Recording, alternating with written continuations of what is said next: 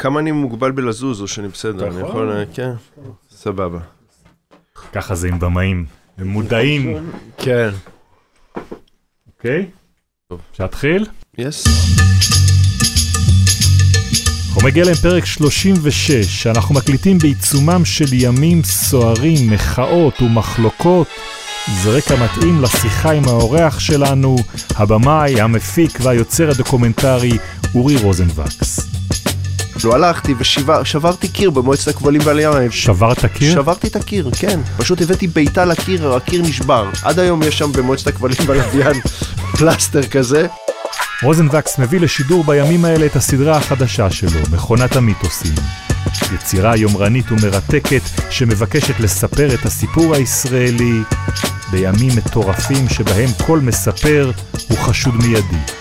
מי שיראה את כל ארבעת הפרקים של הסדרה שלי, יבין איך הגענו למצב הזה. זאת אומרת, אף אחד לא נקי פה מאחריות. נדבר הרבה על עשייה דוקומנטרית, על ההבדל בין הפריים טיים של תוכנית כמו עובדה ליצירת סדרות תיעודיות לערוצי הדוקו והתאגיד כאן. היו לי תקופות שהיו לי שלושה או ארבעה חדרי עריכה שאני עובד בהם במקביל. על דברים שונים. על דברים שונים. אני מאוד אוהב את זה. ונדבר גם על טכנולוגיות חדשות שנכנסות לחיי היוצר, על קווים אדומים, על שחזור של סצנות, ועל העבודה שלו כמי שגם מביים וגם מפיק בעצמו את סרטיו. אם הייתי נשוי לאיזה מישהי שכאילו הייתה נלחצת מה, מהחרדות שלי ומהזה, הייתי כבר תלוי באיזה פארק או משהו. אני בן שני ואתם מאזינים לעוד פרק של הפודקאסט של טל. חברת התמלוגים של יוצרות ויוצרי הקולנוע והטלוויזיה בישראל.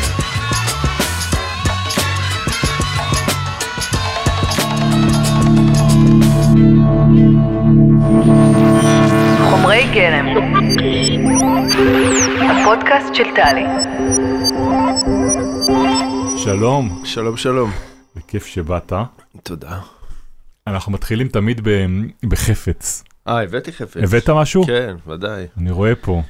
רגע, זה יומן. הבאתי, זה לא יומן, זאת דפדפת הבימוי שלי. היא דפדפת שאיתי מהיום הראשון שלי כבמאי. זאת אומרת, יש לה מעל 30 שנה.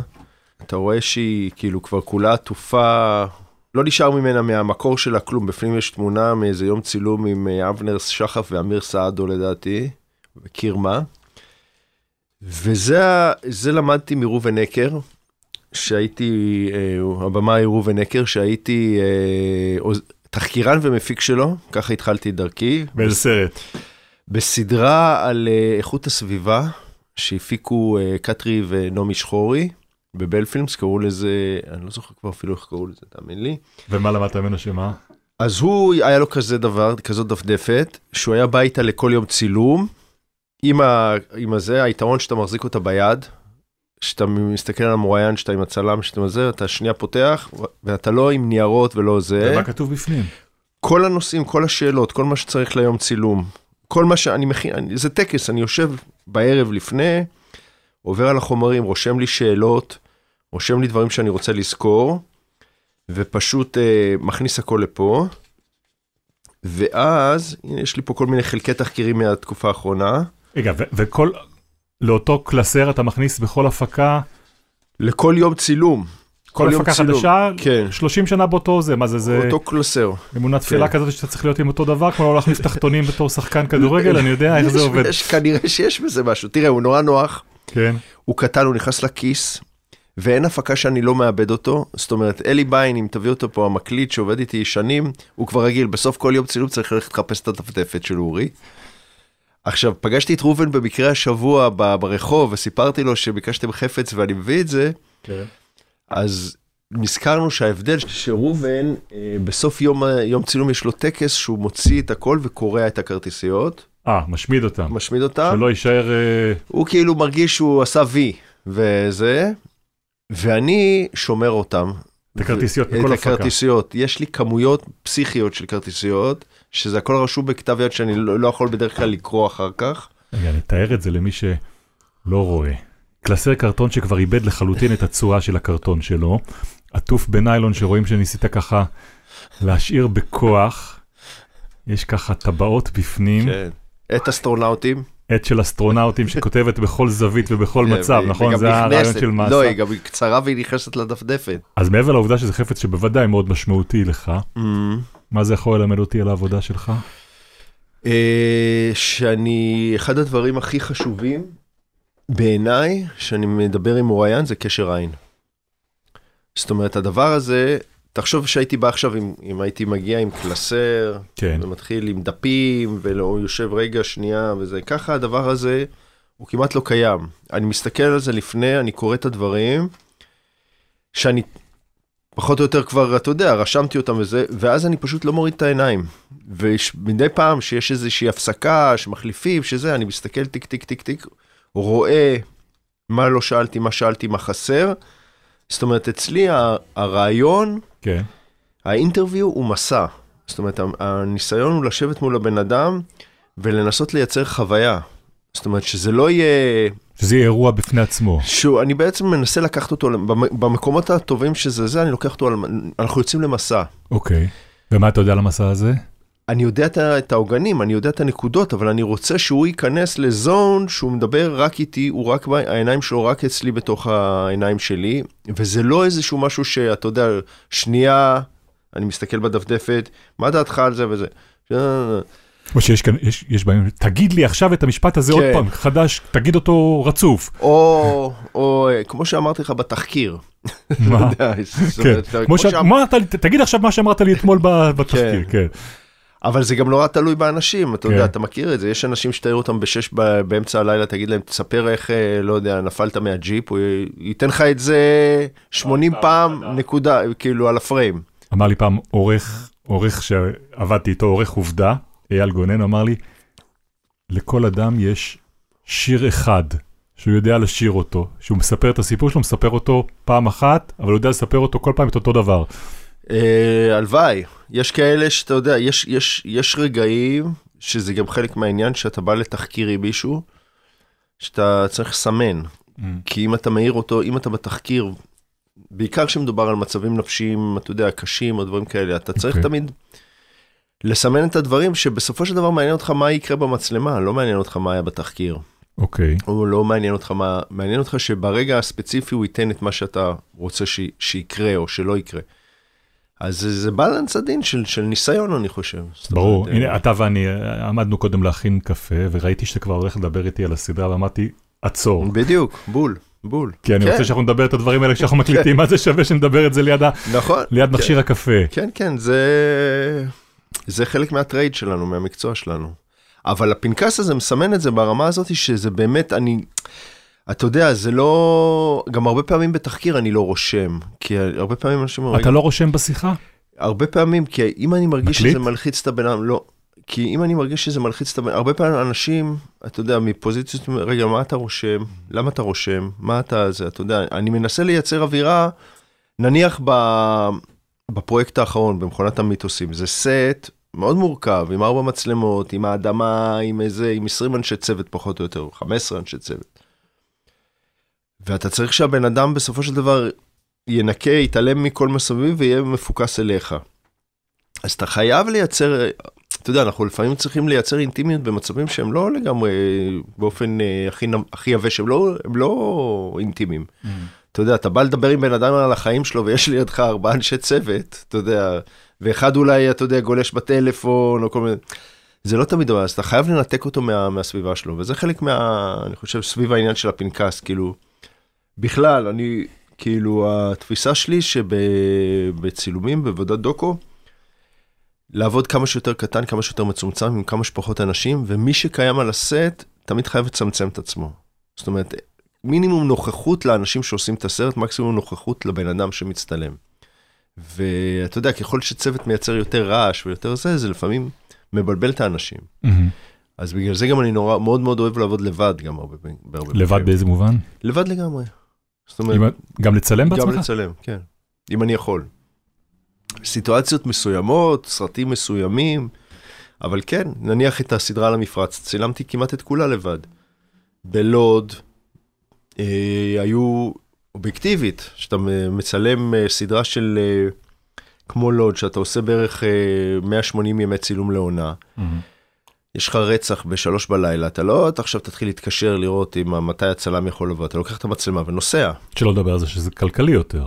זה, אתה לא יכול לעמוד בזה אם תזמין צוות לכל יום אתה צילום. לא יכול, אם אם הייתי מממן 150 ימי צילום עם צוות, אתה יודע.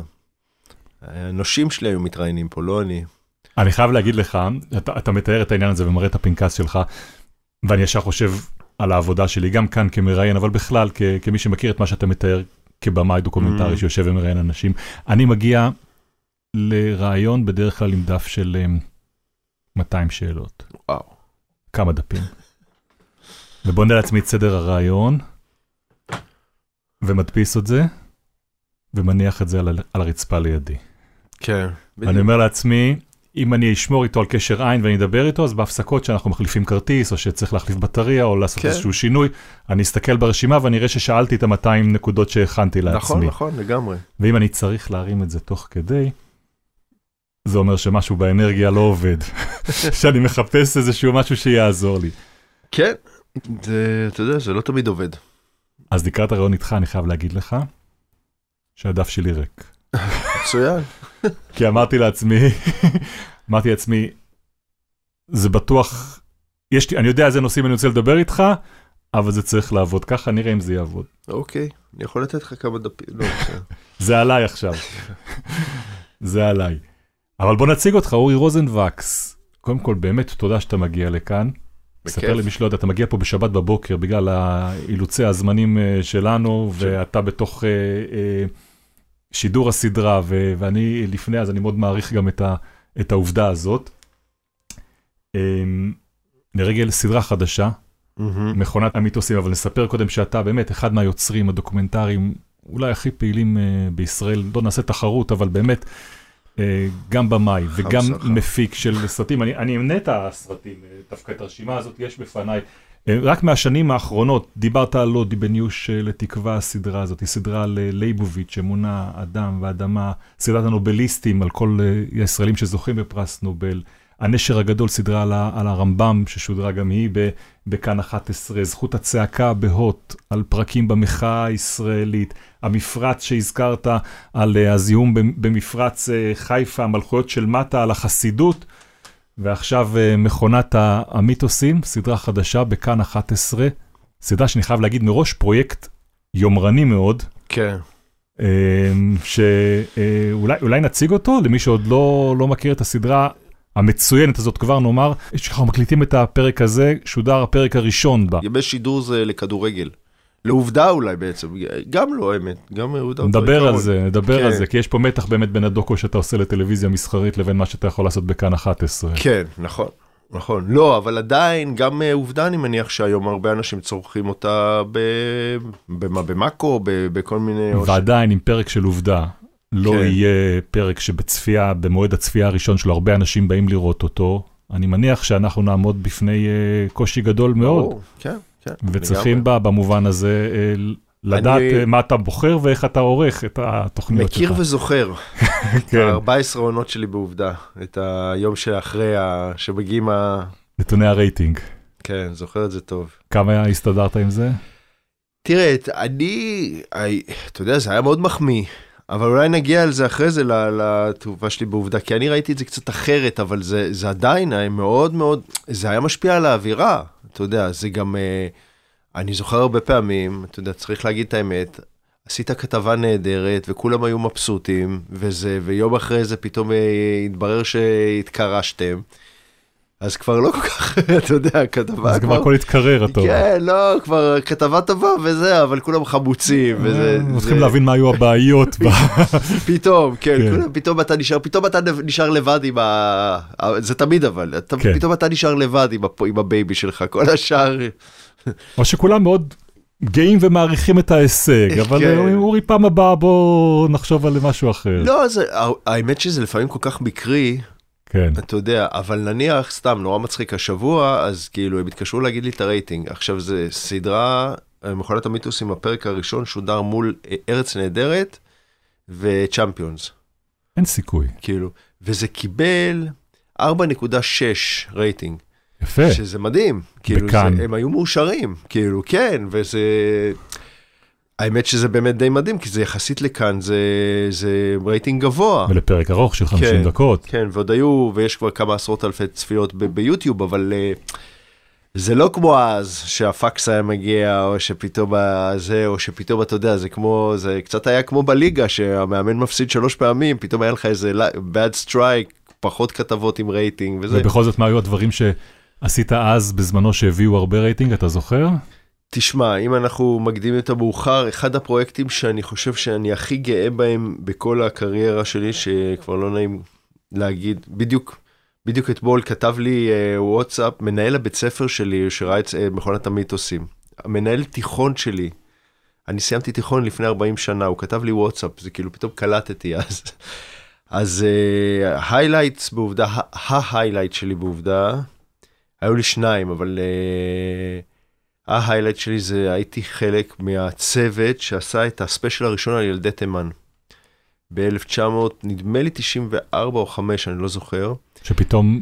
שזה היה הפעם הראשונה בתולדות הטלוויזיה הישראלית, וזה קצת מתחבר גם לסדרה, שנתנו ביטוי אמיתי למשפחות של הילדים האלה. אם אומרת, אני לא טועה, גם הגיעה מישהי וטענה שהיא ילדה חטופה. כן, כן, של uh, הכתבה של עינת ברקוביץ', אבל זה היה פעם ראשונה שבעצם התקשורת התייחסה לסיפור הזה לא כאיזה science fiction, לא כמו איזה אגדה אורבנית או אגדה פולקלוריסטית, אלא הביאה את הכאב של האנשים לפרצוף של, של המיינסטרים הישראלי. ואחרי זה מגיע עוזי משולם ומגיע אותה הפגנות. זה היה אחרי, זה היה אחרי, זה היה בזכות, בזכות, זה היה בעקבות עוזי משולם. הכל, הכל קרה בזכות עוזי משולם, בגלל מה שהוא עשה, פתאום התחילו להתעניין, זה תמיד, אני מדבר על זה דרך אגב בפרק של כור ההיתוך, שרק כשמגיעים לקצה ויש אלימות, אז פתאום מוכנים להקשיב לציבורים שהם מודרים. ולדעתי היה לזה רייטינג היסטרי אז, זה היה באמת חסר תקדים, אה, הספיישל הזה, ואני מאוד מאוד גאה בו, למרות שהיה שם, אני, היה שם קטע שהייתי במאי צעיר ונלהב, ונסעתי למחנה העולים בשער מנשה, עם אישה שקראו לה נעמי גברה, זכרה לברכה, שהיא לטענתה חטפו לה את הילד שלה ציון מ... מידיה בבית הילדים בשער מנשה. זה היה שם מחנה עולים אז בזמנו. והילד שלה באמת עד היום אף אחד לא יודע מה, מה קרה עם הילד הזה, הוא אחד מהילדים העלומים של הפרשה, ועם, ואני החלטתי לשחזר את החטיפה שלה ברמה של fiction. זאת אומרת, הבאנו אמבולנס תקופתי, ואני הייתי עם איציק פורטל בתוך האמבולנס עם הצלם, המצלמה, כן. הצלם, בתוך, בתוך האמבולנס עם המצלמה, ואמרנו לה, את כאילו, השוט סיום של הכתבה, אחרי סיפרתי את כל הסיפור, את, הדלתות יתערקו, ואת תעמדי ואנחנו ניסע, ואנחנו, ואנחנו נתרחק, אתה יודע, שוט כזה דרך שני חלונות של אמבולנס, כן. דולי בק, קולנוע. נעלמת אל החשיכה. קולנוע. עכשיו, הדלתות נסגרו, ואנחנו התחלנו לנסוע, והיא התחילה לרוץ אחרי האמבולנס. אישה בת 70 בזמנו. וזה היה, קולנועית זה היה מטורף, כאילו, ו... וזה כמובן הפך לאייקון של הפרומו, וזה הפך לשוס, הזה, ואז, כאילו, אחרי ש... ששידרו את זה, אז כולם התנפלו עליי ועל עובדה שזה היה צהוב וזה היה מניפולטיבי וזה היה זה וזה ואני לקחתי את זה אז הייתי לקחתי את זה נורא קשה. ואחרי שנים קודם כל התברר לי שכל הלוחמים הגדולים אה, למען העניין של ילדי תימן וזה משתמשים בסרטון הזה ומראים אותו לכל המשפחות ולכל הזה ואחרי שנים. אילנה פגשה את הנכדה של הנעמי הזאת, אני כל השנים התייסרתי, למרות שידעתי שעשינו משהו חשוב. אילנה דיין. אילנה דיין פגשה את הנכדה של נעמי גברה, והיא אמרה לה, תקשיבי, מה שאתם עשיתם לאימא שלי בשער מנשה, זה היה יותר טוב מכל טיפול פסיכולוגי וכל זה, אתם שחזרתם איתה את הסצנה, ועשיתם לה, עשינו לה טוב, כאילו, ועד, ועד היום האחרון היא לא שכחה את זה שהקשיבו ודיברו איתה. זה, זה, אתה יודע, זה הטוויסטים האלה של המקצוע הזה. שהוא מאוד, uh, אתה, יש לך המון כוח. אתה נורא צריך להיזהר במה שאתה מבטיח לאנשים ומה שאתה עושה עם אנשים. אם אני מסתכל על פרויקטים כמו הנובליסטים וכמו הרמב"ם, גם uh, מכונת המיתוסים, הפרויקטים האולפניים, הפרויקטים שאתה צריך בעצם לייצר שפה ויזואלית. שאתה אין לך את ההארדקור דוקומנטרי כמו במפרץ או ב... ב... נספר למי שלא ראה את מכונת כן. המיתוסים, כולה, הסדרה מתרחשת למעשה באולפן, ש... בניתם את אותו כך שעל הקרקע שלו יש רגבי אדמה, כמו איזשהו שדה בעמק ככה, שכמובן מבטא את הקרקע ואת הנושאים האחרים שקשורים בה, על המרובע הזה. נראה כמו איזה פסל של אולמן כזה, עם החול, של, אה, החול שהוא היה משתמש בו. אה, כיסא, עליו יושב מרואיין, ומולו קיר, שהוא למעשה קיר וירטואלי של חומרי ארכיון, ש, שהוא מביט בחומרי ארכיון. בפועל האנשים ראו את הארכיונים? לא, הם לא לא, ראו את הארכיון, לא. זה ארכיון שאתה עורך אותו כן. אחר כך ב, באונליין של, של הסדרה. עצים מצוירים, עץ זית ואקליפטוס. זאת אומרת... אה, עץ זית ואקליפטוס, אוקיי, שני כן, הסמלים של. של הקרקע של, של כאן ושל ייבוש הביצות. והכל בעצם צף, שזה העניין, כשאתה מסתכל ב long shot, אז האדמה שהיא לכאורה שורשית וזה, היא בעצם צפה במרחב הריבוע הזה עומד באוויר. כן. והסדרה, אם כבר הגענו אליה, אז בוא, בוא, בוא נספר את הסיפור של מכונת המיתוסים. מכונת המיתוסים זאת סדרה שנולדה מתוך איזשהו תכנון ארוך טווח של התאגיד לפני חמש שנים כמעט, שהם אה, החליטו לעשות אה, סדרת תוכניות ל-75 שנה, שזאת בעצם הראשונה ש... שמשודרת.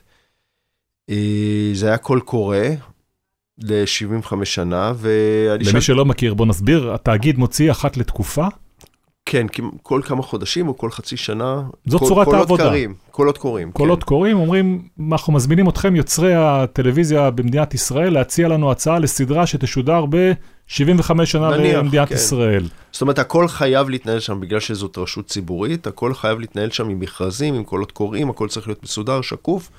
אין לבוא ולהגיד למישהו, אני רוצה לעשות סדרה על, כמו שקרה לי בחיים, כל מיני מקומות. שם זה הכל מאוד לטוב, מסודר. לטוב ולרע. לטוב ולרע. מה אתה חושב על העובדה הזאתי? אני חושב שזה נכון. אה, נלחמתם הרי שנים, אתה היית מראשי כן. היוצרים שנלחמו ב- ברשות השידור ובאופן שבו תקציבים בעבר אה, לא הגיעו, נכון, ובשנים נכון. האחרונות אנחנו רואים מה קורה מהבחינה הזאת בתאגיד, ומה אתה חושב על הצורה שבה הדברים עובדים? אני חושב שבגדול, אם פה ושם יש הערות, זה נס. זאת אומרת, זה, קודם כל זה שינה את שוק הטלוויזיה בישראל פשוט הזה לחלוטין. אה, גוף שמייצר מעל 80 הפקות בשנה, זה מטורף. תחשוב על כמות הסדרות וכמות הדרמות והסינגלים, וזה, זה, זה כמות מטורפת, זה מהפך מאוד מאוד גדול. אה, זה שזה קצת מרובע מדי לפעמים, או קצת מסורבל מדי, זה, זה, זה חלק, זה פועל יוצא של, ה, של המדיום הזה, אין מה לעשות, זה גוף ציבורי, הוא צריך להתנהל כגוף ציבורי. יש לזה את הבעיות שלו, יש לזה את השאלות שמעוררות בעניין הזה. נניח, סתם, אם אנחנו נכנסים לזה, הקטע הזה שהם שמים את כל הסרטים שלנו ביוטיוב לצפייה חופשית. זה זה בסדר? מפריע לך? מבחינת המנדט שלהם זה נכון, מבחינת היכולת שלי אה, להתפרנס אחרי זה מהמוצרים שלי ולשווק אותם ולהסתובב איתם ולהקרין אותם, זה, מח, זה מחליש. אתה לא יכול להקרין את זה, למכור בעצם הקרנה נוספת כשה- כשהכל זמין בחינם יותר ברשת. קשה, הרבה יותר קשה, הרבה יותר קשה. אה, ממה אבל ש... זה ממש תנאי, כל התכנים שמיוצרים עבור כן. התאגיד, כן, הם חייבים זמינים להיות. ביוטיוב. כן. זאת אומרת, אבל... אה, אז בעצם, אם, אם אני חוזר לסדרה, אז בעצם אני ניסיתי לחשוב על דרך שבה אני אצליח לספר, הם רצו סדרה להיסטוריה של המדינה ל-75 שנה. זה היה קול הקורא?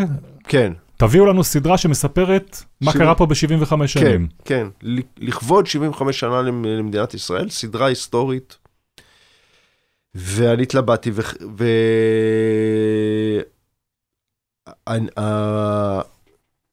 הכיוון או הרעיון ללכת לכיוון של מיתוסים היה מתוך מגמה או מתוך רצון לא להיקלע. לא להיות עבד של כרונולוגיה. זאת אומרת, לא להגיע למצב שאני מייצר סדרה שהיא קופסה של תאריכים, העשורים הראשונים, זה טק, טק. טק. שסדרה כזאת גם מחייבת אותך להיות נורא מתודי, נורא, אסור לך לפספס שום דבר, אתה צריך להיות מה שנקרא history, history channel. מהמם.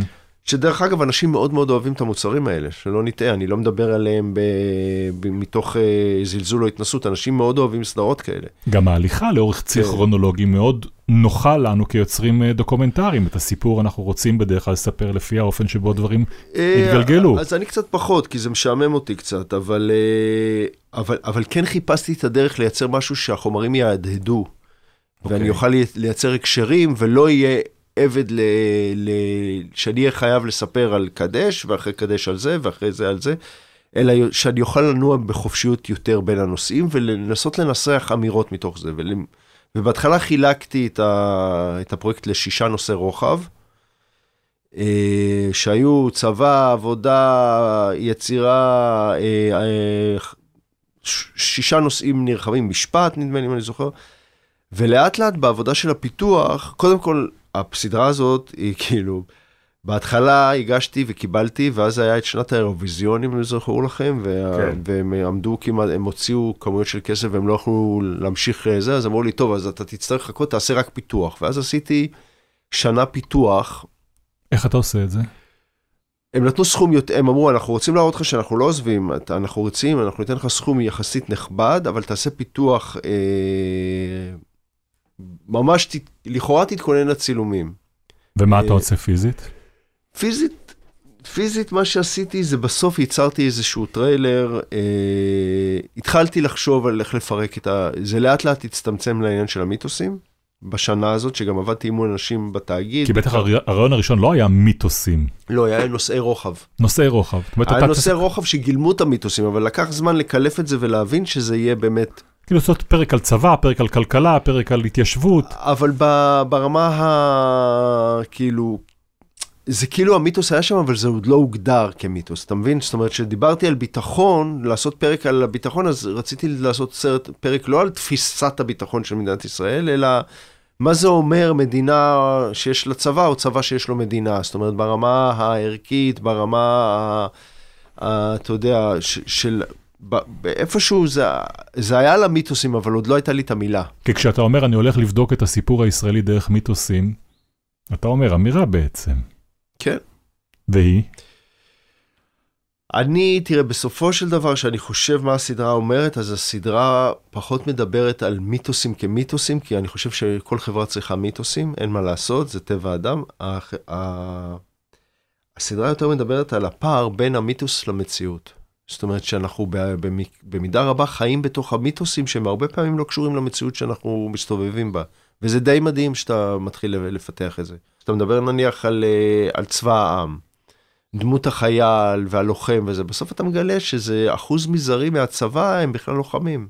זאת אומרת, היום פחות מחמישה אחוז מכל uh, מחזור גיוס מסיים את, הקר... את השירות הצבאי שלו כלוחם. זאת אומרת, אבל סביב העניין הזה בנויים מטילי טילים של uh, תהילה וגבורה וסיפורים ומורקים ו... ואתה גם כמובן יוצא הרבה יותר רחב מאשר דיון רק בנושא הצבאי. אני רוצה לעשות עכשיו משהו, אני רוצה להשמיע קטע מתוך הפרק הרביעי, אוקיי. פרק שעוסק בהפרחת השממה. בחרתי את הקטע הזה כי הוא מתכתב עם הנושא הזה של מה זה אומר לעשות איזושהי סדרה תקופתית לספר את הסיפור.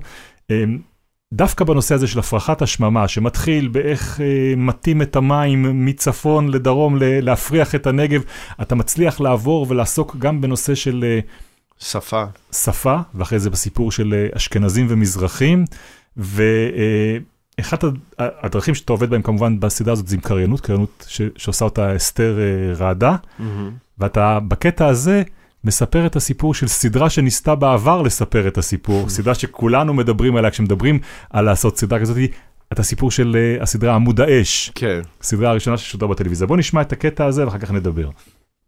זה דבר.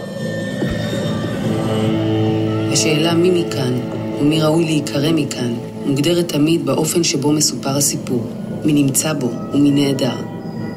הטלוויזיה הישראלית שהחלה את שידוריה לאחר מלחמת ששת הימים הייתה במשך כשלושה עשורים כלי כמעט בלעדי לעיצוב התודעה הוויזואלית והדימוי של הישראליות.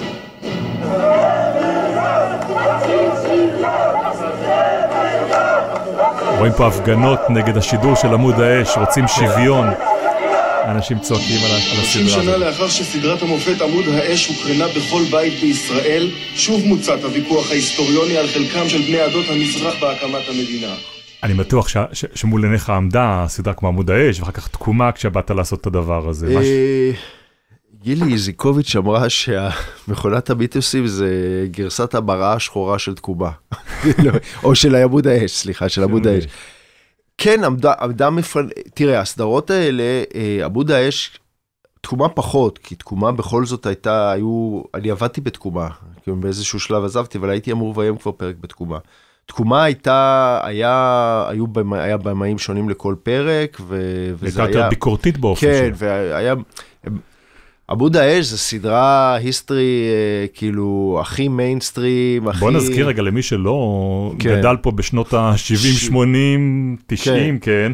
עמוד האש, סדרה שעושים לדעתי לרגל 30 שנה למדינה, משהו כזה, כן, בשנות... שמספרת את הסיפור של הציונות עד הקמת אה, נכון, מדינת ישראל. בעריכת יגאל לוסין, כן. שהוא בעצם ה... האבא המייסד של הסדרה הזאת, זאת אומרת, הוא התווה את חותמו על כל פרקי הסדרה, אני חושב שהבמאים היו שם פונקציונליים יותר, אם אני לא טועה, קריינות של יוסי בנאי, קריינות של יוסי בנאי, פעם בשבוע כל מדינת ישראל כן. בערוץ הראשון, בערוץ אחד שיש, כן. יושבת לראות את הסיפור של איך קמה פה המדינה, ואין עוררין שזה הסיפור, זה כן. סיפור אחד שמספר את סיפור הציונות, שבסופו הקמה של אה, מדינה. כן, עם מנקודת... המוזיקה המוכרת הזאת. של שם טוב לוי.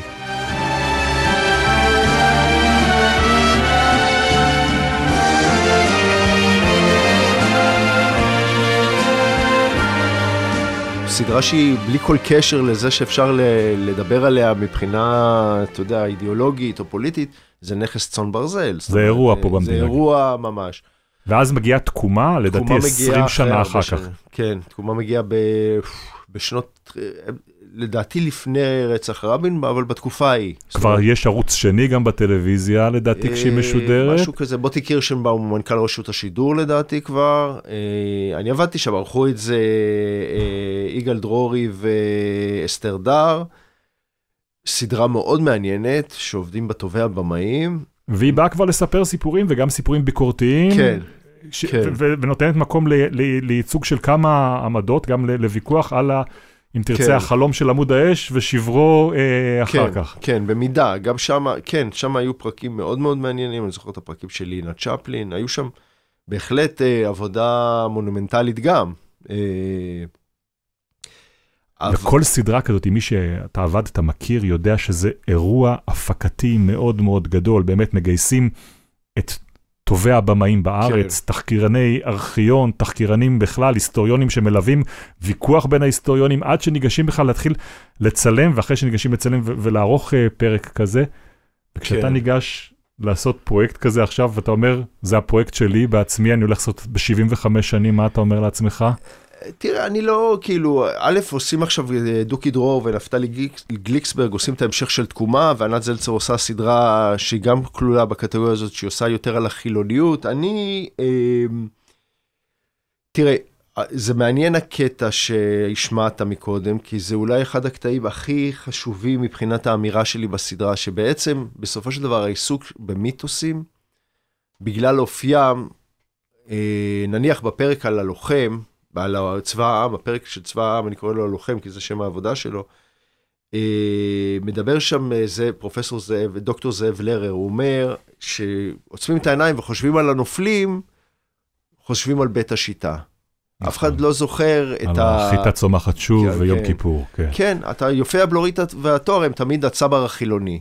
והעובדה היא שנפלו לאורך המלחמות, גם ששת הימים, גם אה, מלחמת יום הכיפורים, הרבה מאוד מזרחים, אה, וזה, והם לא קיבלו את ה, באותם שנים את העילה הזאת של הנופלים. הנופלים תמיד היו אותם, אה, אנחנו שנינו מאותו הכפר.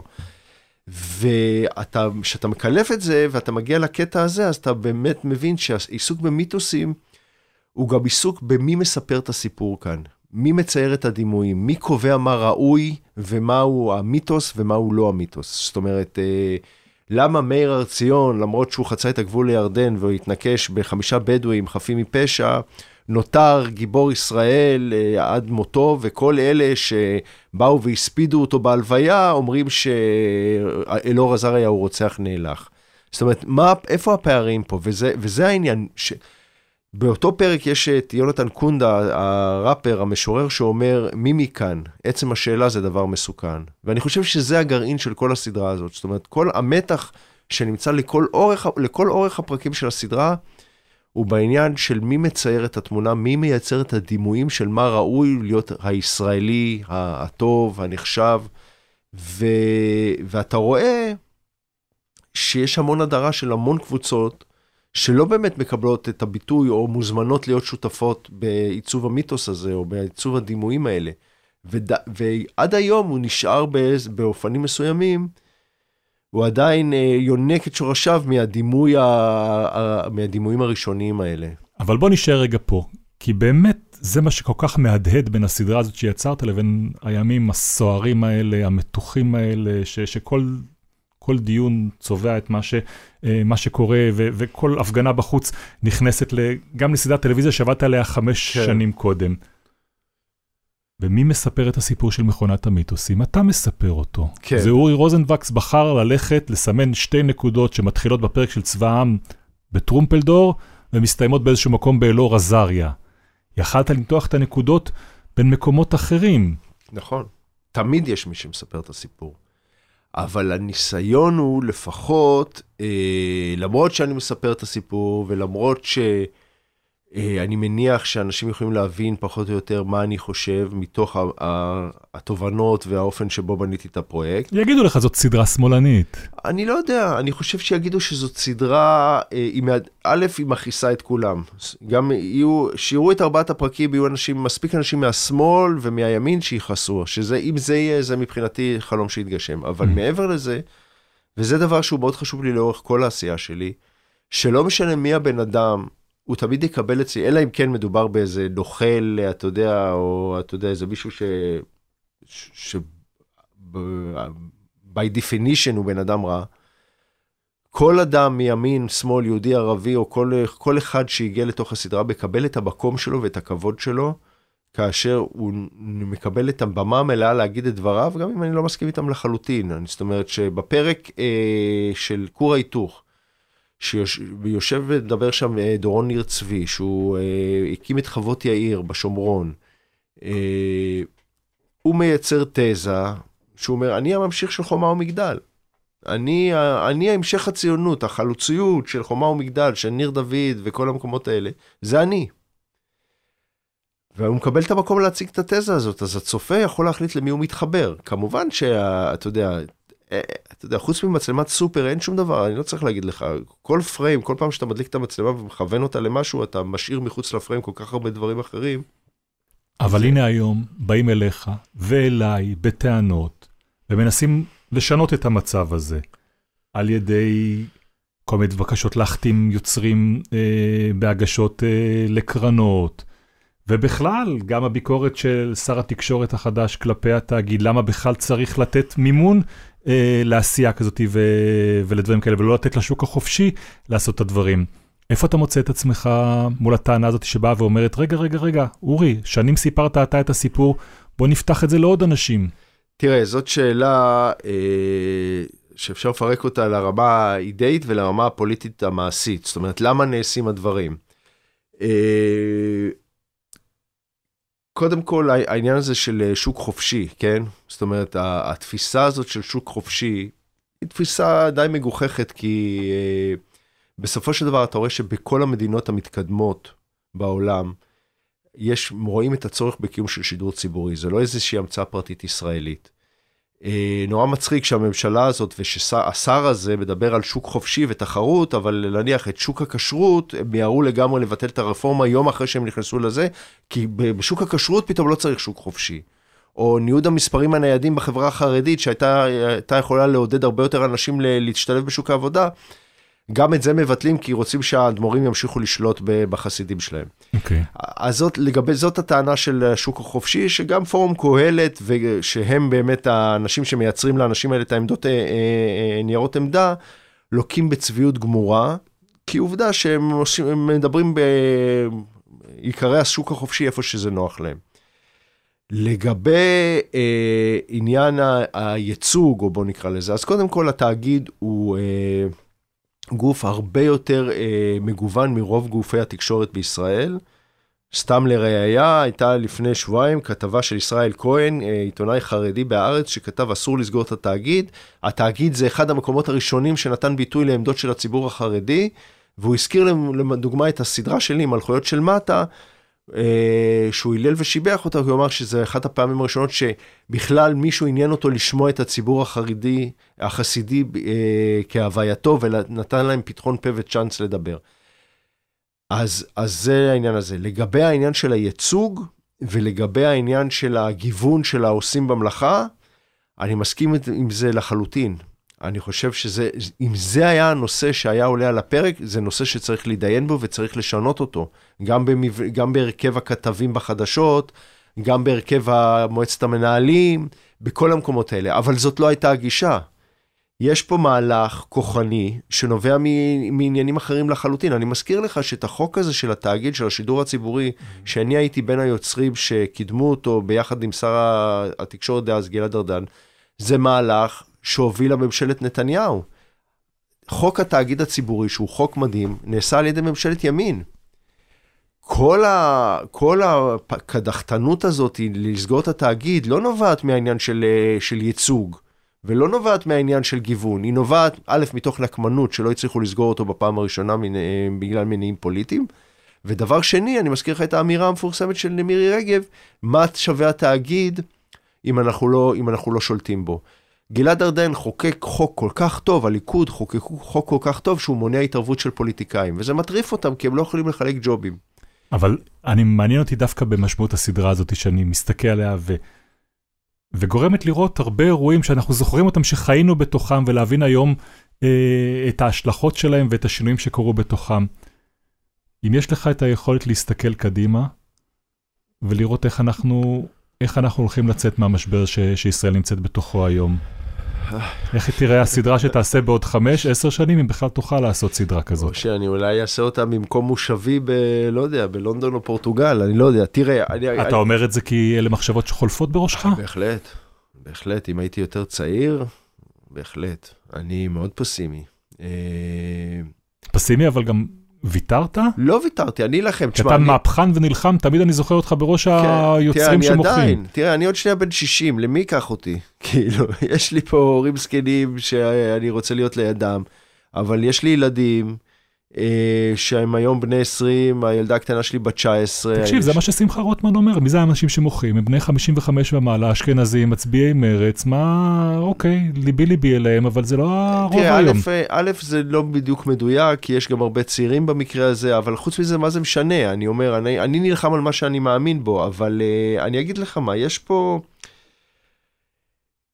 אני חושב שמי שיראה את כל ארבעת הפרקים של הסדרה שלי, יבין איך הגענו למצב הזה. זאת אומרת, אף אחד לא נקי פה מאחריות. Mm. העניין הזה של ההדרה ושל הגזענות ושל האליטיזם, והעניין של בית המשפט, שהוא נורא נורא חשוב, אבל הוא לא ידע לפתוח את שורותיו ברגע הנכון. נעשו פה טעויות אדירות. אבל השאלה... מה, לאן, לאן החבר'ה האלה לוקחים אותנו, ואנחנו רואים בדיוק לאן הם לוקחים אותנו, הם לוקחים אותנו למקום שהוא הונגריה, הוא מקום שהוא פולין, הוא מקום שהוא טורקיה. אוקיי, okay, אבל בוא תחזור רגע לעבודה שלך. למקום שאתה בתור יוצר דוקומנטרי נמצא בו, איפה מצאת את עצמך מצלם סיפור או דמות ונותן לה בולטות ל- לרעיון שאתה אישית לא מסכים איתו. הרבה. גם חגי בן ארצי לדוגמה, אני לא ממש מסכים עם מילה ממה שהוא אמר, אבל זה לא הפריע לי אה, אה, לצלם אותו. גם אה, דורון ניר צבי, אני לא, הרבה מאוד מהדמויות, אני לא לגמרי... אבל כן, תשמע, אני, אני בחרתי לאתגר את כל הצדדים. כשאני מציג בפרק על uh, כור ההיתוך את הסיפור של ניר דוד, uh, נחל האסי, או mm. שאני מציג את הסיפור של ילדי תימן, אני יודע שזה יגרור ביקורת מאוד חריפה מהצד השמאלי.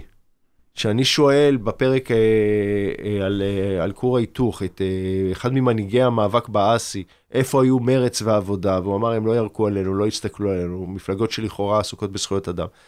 זה, אני, אני בכוונה ניסיתי ללחוץ על כל הכפתורים. אני, ב, ב, או למשל בפרק על, ה, על העבודה, אה, בעצם אה, הפרק שנקרא עבודה עברית, שאני מציג שם את התפיסה השמרנית. זה לא דברים ש... שהיא מאוד מאוד, היא נכנסה היום מאוד מאוד חזק, כל העניין של פורום קהלת, קרן תקווה, כל הדברים האלה. זה לא דברים שאני מסכים איתם. אם הייתי עושה סדרה רק על הדברים שאני מסכים, היא הייתה נראית אחרת, אבל היא לא הייתה מעניינת. אתה יודע, זה בדיוק, אני, מלכויות של מטה. מלכויות של מטה, סדרה שעשיתי על, על החסידויות. שסיימתי אותה, באו אליי כל מיני אנשים מהחוגים שלי, שלנו, שלי, למה לא נכנסת בהם? למה לא הראית שהם בטלנים? למה לא הראית שהם עובדים על חשבון המדינה וזה? בסדרה לא נניח, עכשיו יש ביקורת על החרדים, אבל בעיר, אמרתי להם, מה זה מעניין? את, מה, ש, מה ש... כל הדברים האלה שאתם מבקשים ממני, אתם כבר יודעים, אתם לא צריכים אותי. אני מביא לכם את, את החסידים, תשמעו מה להם יש להגיד. זה מה שמעניין פה, לא מעניין מה, מה אני, הרבה פעמים לא כל כך מעניין מה אני חושב, אלא הניסיון שלי כן לייצר איזה משהו שהוא יחסית מאוזן. כמובן, אתה לא יכול להימנע מה... אתה יודע, בסופו של דבר, אתה לא, אנחנו לא מצלמת סופר, כאילו, אנחנו מייצרים דברים שאתה, אתה, האמירה הכללית, בסופו של דבר, האמירה שלי. אני מנסה לה, לתת איזושהי אמירה שהיא שלי. אז אני רוצה עכשיו אה, לעבור למישהו שהוא שותף בהרבה מהיצירות שלך, כי אנחנו בפודקאסט הזה פנינו לכמה אנשים ש, שעובדים איתך כדי שיפנו אליך הם שאלות. או-אה, כן, קצת נפתיע אותך, אני מקווה. אוקיי. אמ, והראשון באמת שאני רוצה לשמוע אותו, הוא שותף, אה, ש... שותף לדעתי, ל... אני לא יודע אם לכל היצירות, זה המוסיקאי אבי בללי. שכני למשרד. אז אה, בללי שגם כן ישב על הכיסא הזה שלך ונתן פה רעיון מדהים לגבי העבודה שלו, אה, ביקשנו ממנו להפנות אליך שאלה, נגיד שהמוזיקה למכונת המיתוסים שנשמעת כן. כמו איזושהי תיבת נגינה נהדרת, הפתיח הוא מטורף, הוא יפהפה. מטורף, והוא עשה אותו, כאילו, הוא עשה אותו ככה. כאילו, כן? באותו, תוך, זה היה מטורף, זה היה הקטע שלו, כאילו, אנחנו משמיעים עכשיו את הפתיח הזה ברקע של, אה, של הרעיון. הסדרה הזאת תעסוק באגדות. אגדות חיות ואגדות מתות. אגדות אמת ואגדות שקר. והצורך המתמיד שלנו, הישראלים, לנתץ ולבנות מחדש, פעם אחר פעם, את המיתוסים שמעצבים את חיינו המשותפים, על פיסת האדמה הזאת, בין הירדן לים.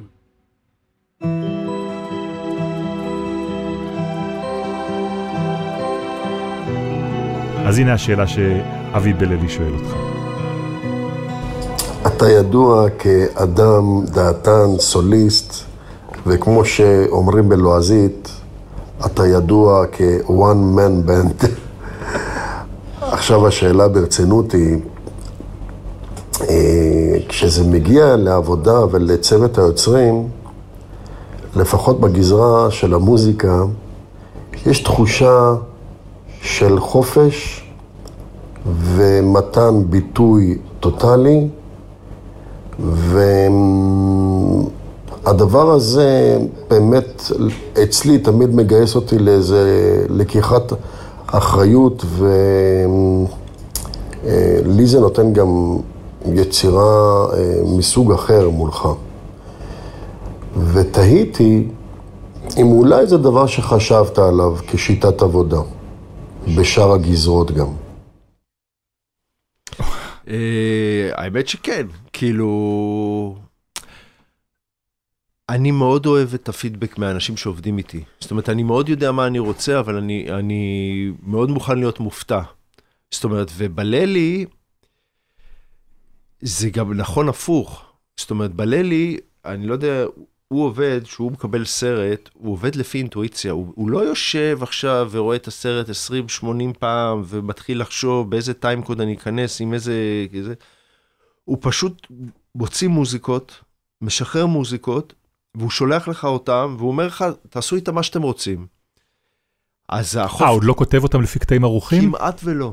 כמעט ולא. טוב, זה כי אתה משלב אותו כנראה בשלב מאוד מוקדם של העשייה. לא, לא, הוא פשוט, זאת הדרך, אי אפשר לעבוד עם בללי, ב, ב, הוא אומר, אני נותן לו חופש, הוא לא איזה מישהו שאפשר... אבל מה עשית קודם בחדר עריכה? כבר ערכת עם איזשהו משהו אחר? לפעמים כן, לפעמים כן, אבל ב, אני עורך עם משהו אחר, הרבה פעמים. אתה צריך מוזיקה כרפרנס. כן, אני עורך עם רפרנסים, עם קטעים קודמים שלא מסתכלים. בליל עם הסדרות כן. הקודמות, כן.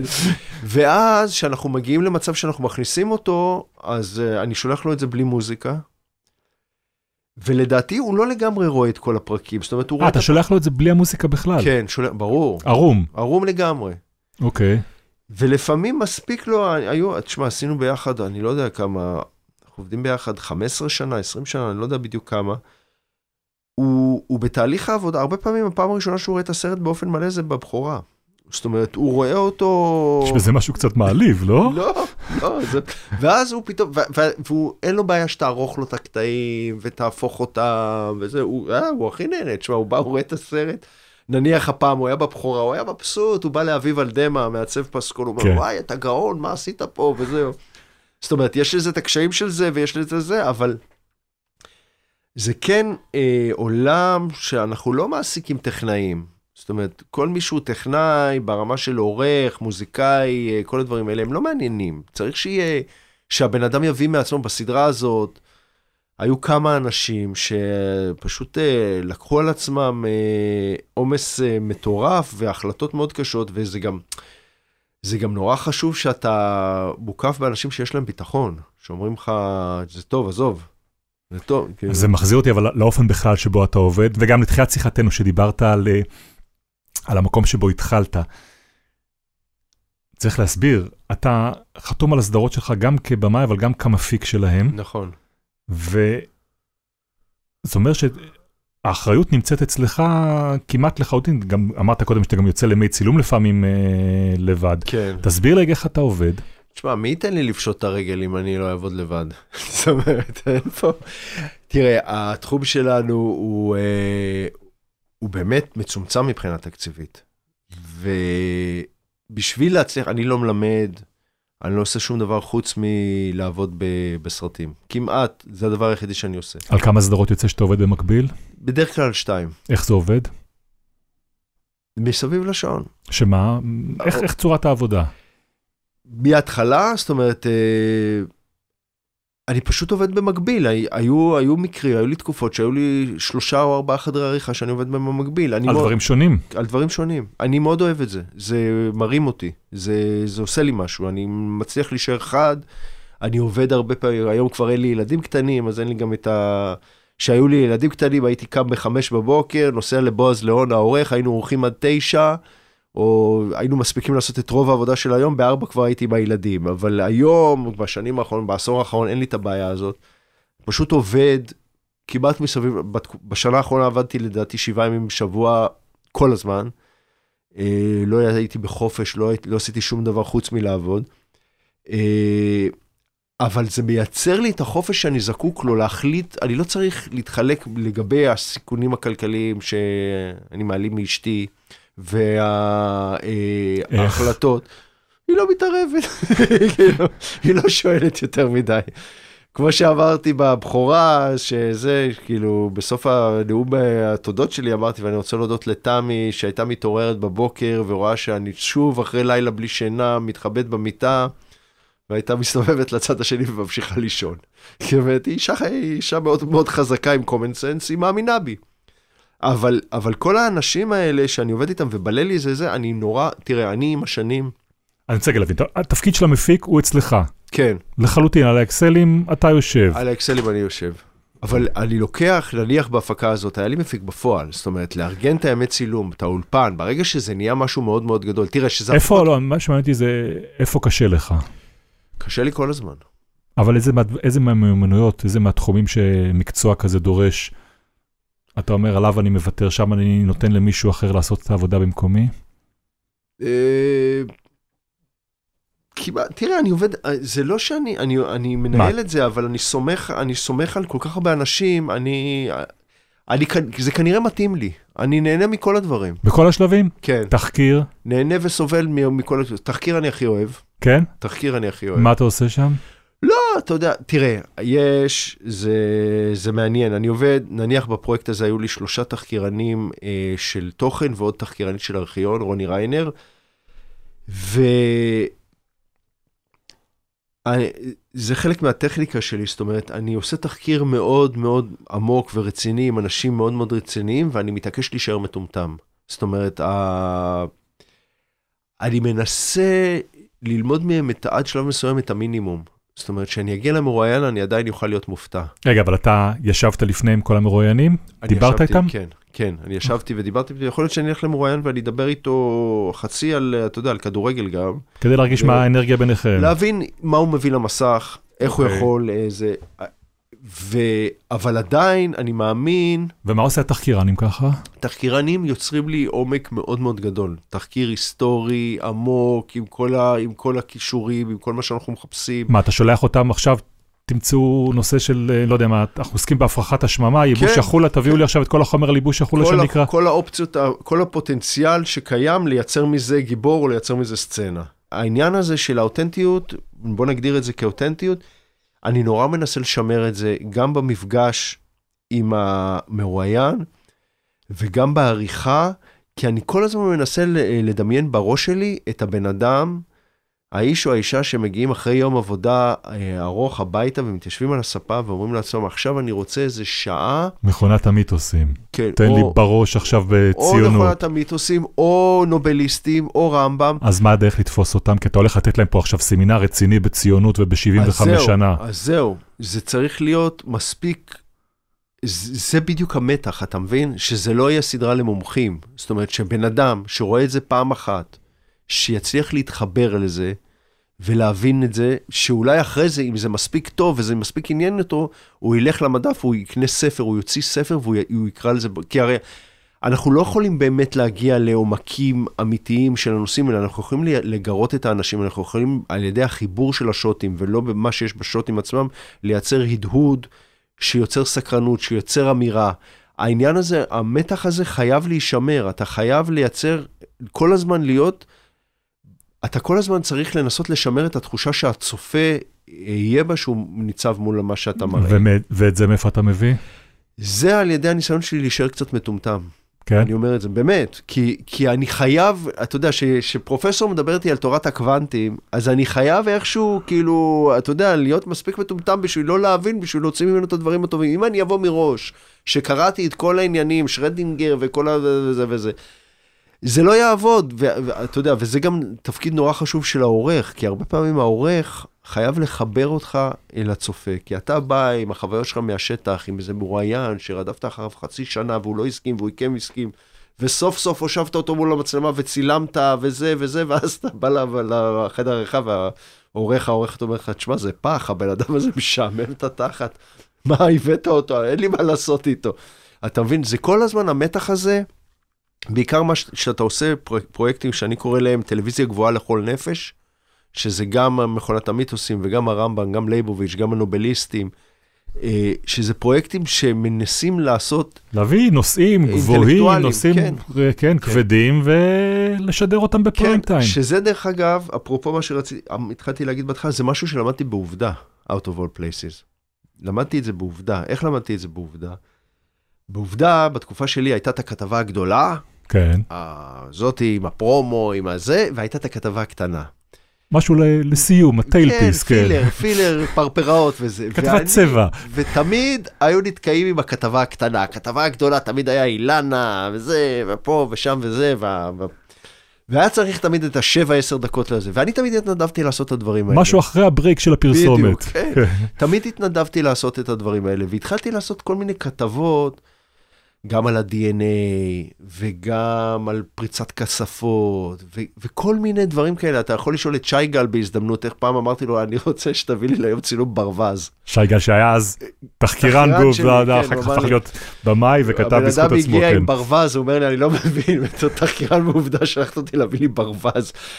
אז, אז איכשהו, אני נורא השתכללתי בעניין הזה של לספר סיפורים אנקדוטליים או מדעיים או סמי מעניינים, סמי הגותיים, בשבע דקות האלה, והיה שם את גלעד, גלעד טוק- טוקטלי, שהוא גם בא עם רקע קולנועי, והוא נתן לי מה שאני רוצה, אתה רוצה dolly, קח dolly, והכתבות האלה יצאו נורא יפה בסוף, ו- ובעניין הזה פתאום קלטתי שאפשר לקחת נושאים הכי עיוניים, הכי אינטלקטואליים, הכי יבשים, ולהפוך אותם ל- בזכות הקולנוע למשהו. והקו הזה, שאני מקיים אותו בהפקות העיוניות שלי, האינטלקטואליות שלי, יש לי גם שיתוף פעולה מאוד מאוד חזק בעניין הזה עם דותן גולדווסר ויניב שמעוני, שהם האנימטורים שלי. אה, כן. האנימציה ואת ה... אז זה ממש אפשר לראות איך אנחנו גדלים מפרויקט לפרויקט. התחלנו בנובליסטים, שהנובליסטים ציירו עם טושים על uh, כל מיני זכוכיות, ועברנו לרמב"ם, שזה היה שילוב של אנימציה. אני נורא אוהב את החיבור של לואו-טק והייטק, זאת אומרת, כמו האדמה מול האנימציה. אז זה באמת מיומנות שהבנתי שאפשר לעשות אותה דרך הכתבות האלה בעובדה, ככה זה התחיל אצלי, וזה זה היה מדהים מהבחינה הזאת. אז זה מקום נהדר לשלב בו את הקול הבא, וואה, זה מרגש. שזה באמת אותו גלעד טוקטלי. הבמאי, במשך שנים במאי של אה, עובדה, וואו. היום אה, במאי אה, בזכות עצמו כן. בסדרות וסרטים. ועכשיו יש לו סדרה. הסדרה של עמרי אסליים ושלו, שנמצאת עכשיו באוויר ברשת ובאות, ובוא נשמע מה גלעד שואל אותך. אורי, שלום.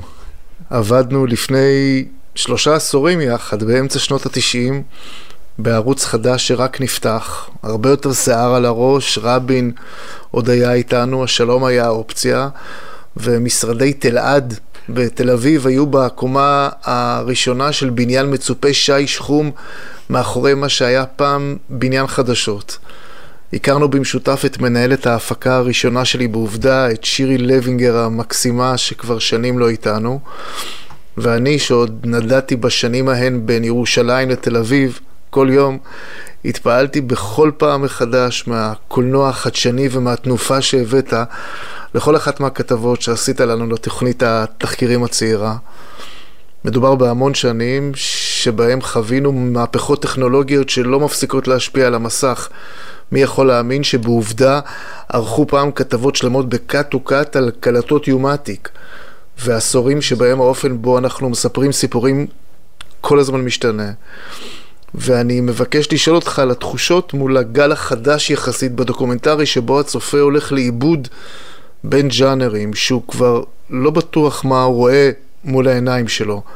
איך אתה חי בתוך זה, וכמה רחוק אתה מוכן ללכת, ואם יש משמעות מבחינתך לשמירה על הכללים של סרט דוקומנטרי מול הצופה, ו... והאם יש בכלל מין סוג של חוזה כזה בינינו לבין הקהל.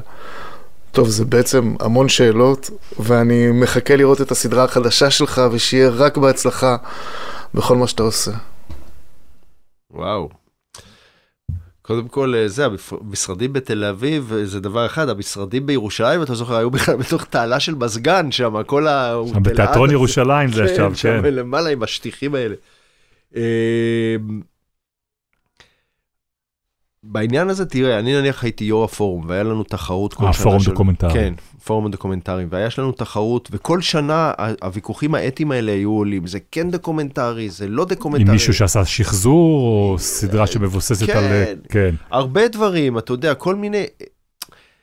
אני חושב שזה ויכוח שאי אפשר לנצח בו. זאת אומרת, אנחנו היום נמצאים... איפה ב... מצאת את עצמך עומד בו? אני... אה... תראה, זה עוד פעם, זה נחלק, אה, זה מעניין, זה נחלק בין הפוליטי, כשלי כיו"ר פורום, לבין התפיסות שלי כאומן. כי נניח שרצו, אה, הרגולציה, כן, מועצת הכבלים והלוויין, רצו להכיר במחוברים כדוקומנטרי, מה שהיה מחסל את כל הדוקומנטרי שעושים בהוט, והכל היה, הם היו מזדקים על כל ה... רק על מחוברים. נסביר למי שלא... יוצ... זכיינית כמו הוט, או חברת כבלים כמו הוט, מחויבת לעשות יצירה דוקומנטרית בסכום כזה וכזה כן. במשך שנה. אם היא תחליט שאת כל, הסוג, כל הכסף היא שמה על תוכנית שהיא ריאליטי או סמי ריאליטי, אז מה שנעשה בערוץ 8, כן. למעשה לא ממומן, הם לא יעשו את הסרטים כן, האלה, הם, ואז הם, לא הם, יקרו סרטים הם כאלה. אמרו, הם אמרו, לייבוביץ' לא יקרה לצורך העניין. הם אמרו, הנה, אנחנו יכירו לנו במחוברים, אנחנו גמרנו את מכסת הפקות המקור שלנו, הלכתי ושברתי קיר במועצת הכבלים והלוויין, העברתי, דפקתי שברת בעיטה, קיר? שברתי את הקיר, כן. פשוט הבאתי בעיטה לקיר, הקיר נשבר. זאת אומרת, ניצן... אה, ניצן חן היה יו"ר מועצת הכבלים, הוא אמר, מה, ומה, למה אתם לא שוברים קיר? הפעם אמרתי לו, בוא אני אראה לך איך אני שובר קיר. והבאתי בעיטה, שברתי, עד היום יש שם במועצת הכבלים והלוויין פלסטר כזה. כי זה, אני הרגשתי שאני אני פשוט, אני בא עם האחריות של עשרות אנשים, עשרות מאות יוצרים על הגב שלי, ואנחנו הולכים כולנו להישאר בלי עבודה. אז זה, זה מצד אחד. מצד שני, שהייתי נניח בתור יו"ר הפורום, ועלו כל מיני שאלות עקרוניות לגבי פרויקטים ספציפיים שאמרו, למה הוא מתחרה בפורום, הוא לא דוקומנטרי, הוא כן דוקומנטרי. אני חושב שהכלל הוא אה, ידיעת הצופה. זאת אומרת, כלומר, זאת אומרת שאם הצופה, נניח, היה בזמנו את הסדרה אה, של חגי לוי, אם אתה זוכר. אה, המקוללים. המקוללים. ששם בעצם לקחו ועשו שחזורים שכביכול צולמו במצלמה של כן. חגי לוי, שלא את יונה וולך, או, כן, את, אה, או את פנחס שדד. קרוי. כן, כן, דברים שכאילו חגי לוי הצעיר צילם אותם, ולמעשה... כן. מי שצפה לא ידע שהאנשים זאת, זה שחקנים. שם הייתה הבעיה, שאני הסתובבתי ודיברתי עם אנשים שהם לא מהמקצוע, והבנתי שהם חושבים שזה אמיתי, כן. אז הבנתי שיש בעיה. זאת אומרת, זה אני חושב קו הגבול. תעשה מה שאתה רוצה. אבל אני תמיד חושב שחשוב שהצופה יבין איפה הוא עומד. כמה. זה רווח היום? כמה סדרות שאנחנו רואים בנטפליקס היום משתמשות בשחזורים ולא בחומרי ארכיון אמיתיים? אני חושב, תשמע, אני אגיד לך יותר מזה, אני חושב שאנחנו עוד מעט נגיע למציאות שאתה לא באמת תוכל לדעת. כלומר? אתה לא תוכל לדעת, אתה לא תוכל לדעת כלום, אתה תראה חדשות ואתה לא תדע אם אתה רואה, אם מה שאתה רואה זה, הרי הטכנולוגיה הולכת למקומות שכבר אין, אתה לא תוכל לדעת. תסביר לי. תסביר לי איפה זה... תשמע, עם כל ה-AI הזה, ועם כל האופציות שיש לך בתוך זה, אתה יכול, תראה, היום סתם, אני, אה, אחד האנשים שעבד איתי בסדרה, קוראים לו שמחה טילליובסקי, הוא עשה לי את כל הדגימות, עשה עבודה מדהימה, הוא עובד היום בסטארט-אפ, שאתה, בן שני בא, ואתה, הוא עכשיו לצורך העניין מצלם אותך, מדבר איתי בפודקאסט הזה, כן. ואחרי זה הוא יכול לקחת אותך, אחרי שהוא צילם אותך עם כל מיני... מכמה AI זוויות, וכל- כן. כל- וה- והפודקאסט הזה ישודר בעולם בכל מקום ב, ב, בשפה אחרת, ובכולם ייראה שאתה מדבר הונגרית, סווהילית, אה, הולנדית, לא נורא. אינדונזית. לא נורא. לא, אבל תחשוב מה, מה זה אומר. זה אומר שהם יכולים להשתיל לך לתוך הפה כל מילה שהם רוצים. זאת אומרת, אתה כפוליטיקאי, תוכל להיראות על המסך, אומר דברים מטורפים, ואף אחד כבר לא יוכל... אנחנו מגיעים למצב שיהיה מאוד מאוד קשה להבדיל. תשמע, הוא- אנחנו יושבים עכשיו בחדר העריכה שלי, לפני יומיים הראה לי העורך פה דבר מדהים. הוא לוקח שיר, כל שיר שאתה אה, רוצה, מעלה אותו ב-AI, ומוחק את הזמר ממנו, ואנחנו נשארים עם הדבר שאנחנו הרבה פעמים צריכים אותו בעריכה, רק עם הפסקול של השיר בלי הזמר. מדהים. אתה פותח עיניים, זה קיים. זה כבר קיים, האינטליגנציה המלאכותית יודעת למחוק את הזמר ולהשמיע, אני יודע שיש גם באייפון דברים כאלה, אבל זה, זה משהו שהוא מושלם, הוא פשוט מנגן לך את כל הפסקול בלי הזמר. אבל אני, זה נורא שימושי לנו דבר כזה בעריכה. אני חושב שאני עכשיו עושה איזושהי סדרה, ובטח גם אתה נתקלת בזה, אני צריך, אני צריך חומרי ארכיון מאירוע מסוים. אם אני אוכל לקבל בינה מלאכותית שתייצר לי חומרי ארכיון של האירוע הזה שלא צולם, יש לי מה, עם מה לעבוד. נכון, ו- ואני אומר שהניסיון להתמודד עם זה הוא כמעט בלתי אפשרי. זאת אומרת, כי אתה לא באמת תדע, אתה לא תוכל לדעת, ו- ו- ו- ואני חושב שמבחינה מוסרית, אנחנו כיוצרים צריכים, אה, אם אנחנו רוצים להיות הוגנים, אנחנו צריכים לפחות להציב בפני הצופה את, ה- את העניין שזה משוחזר.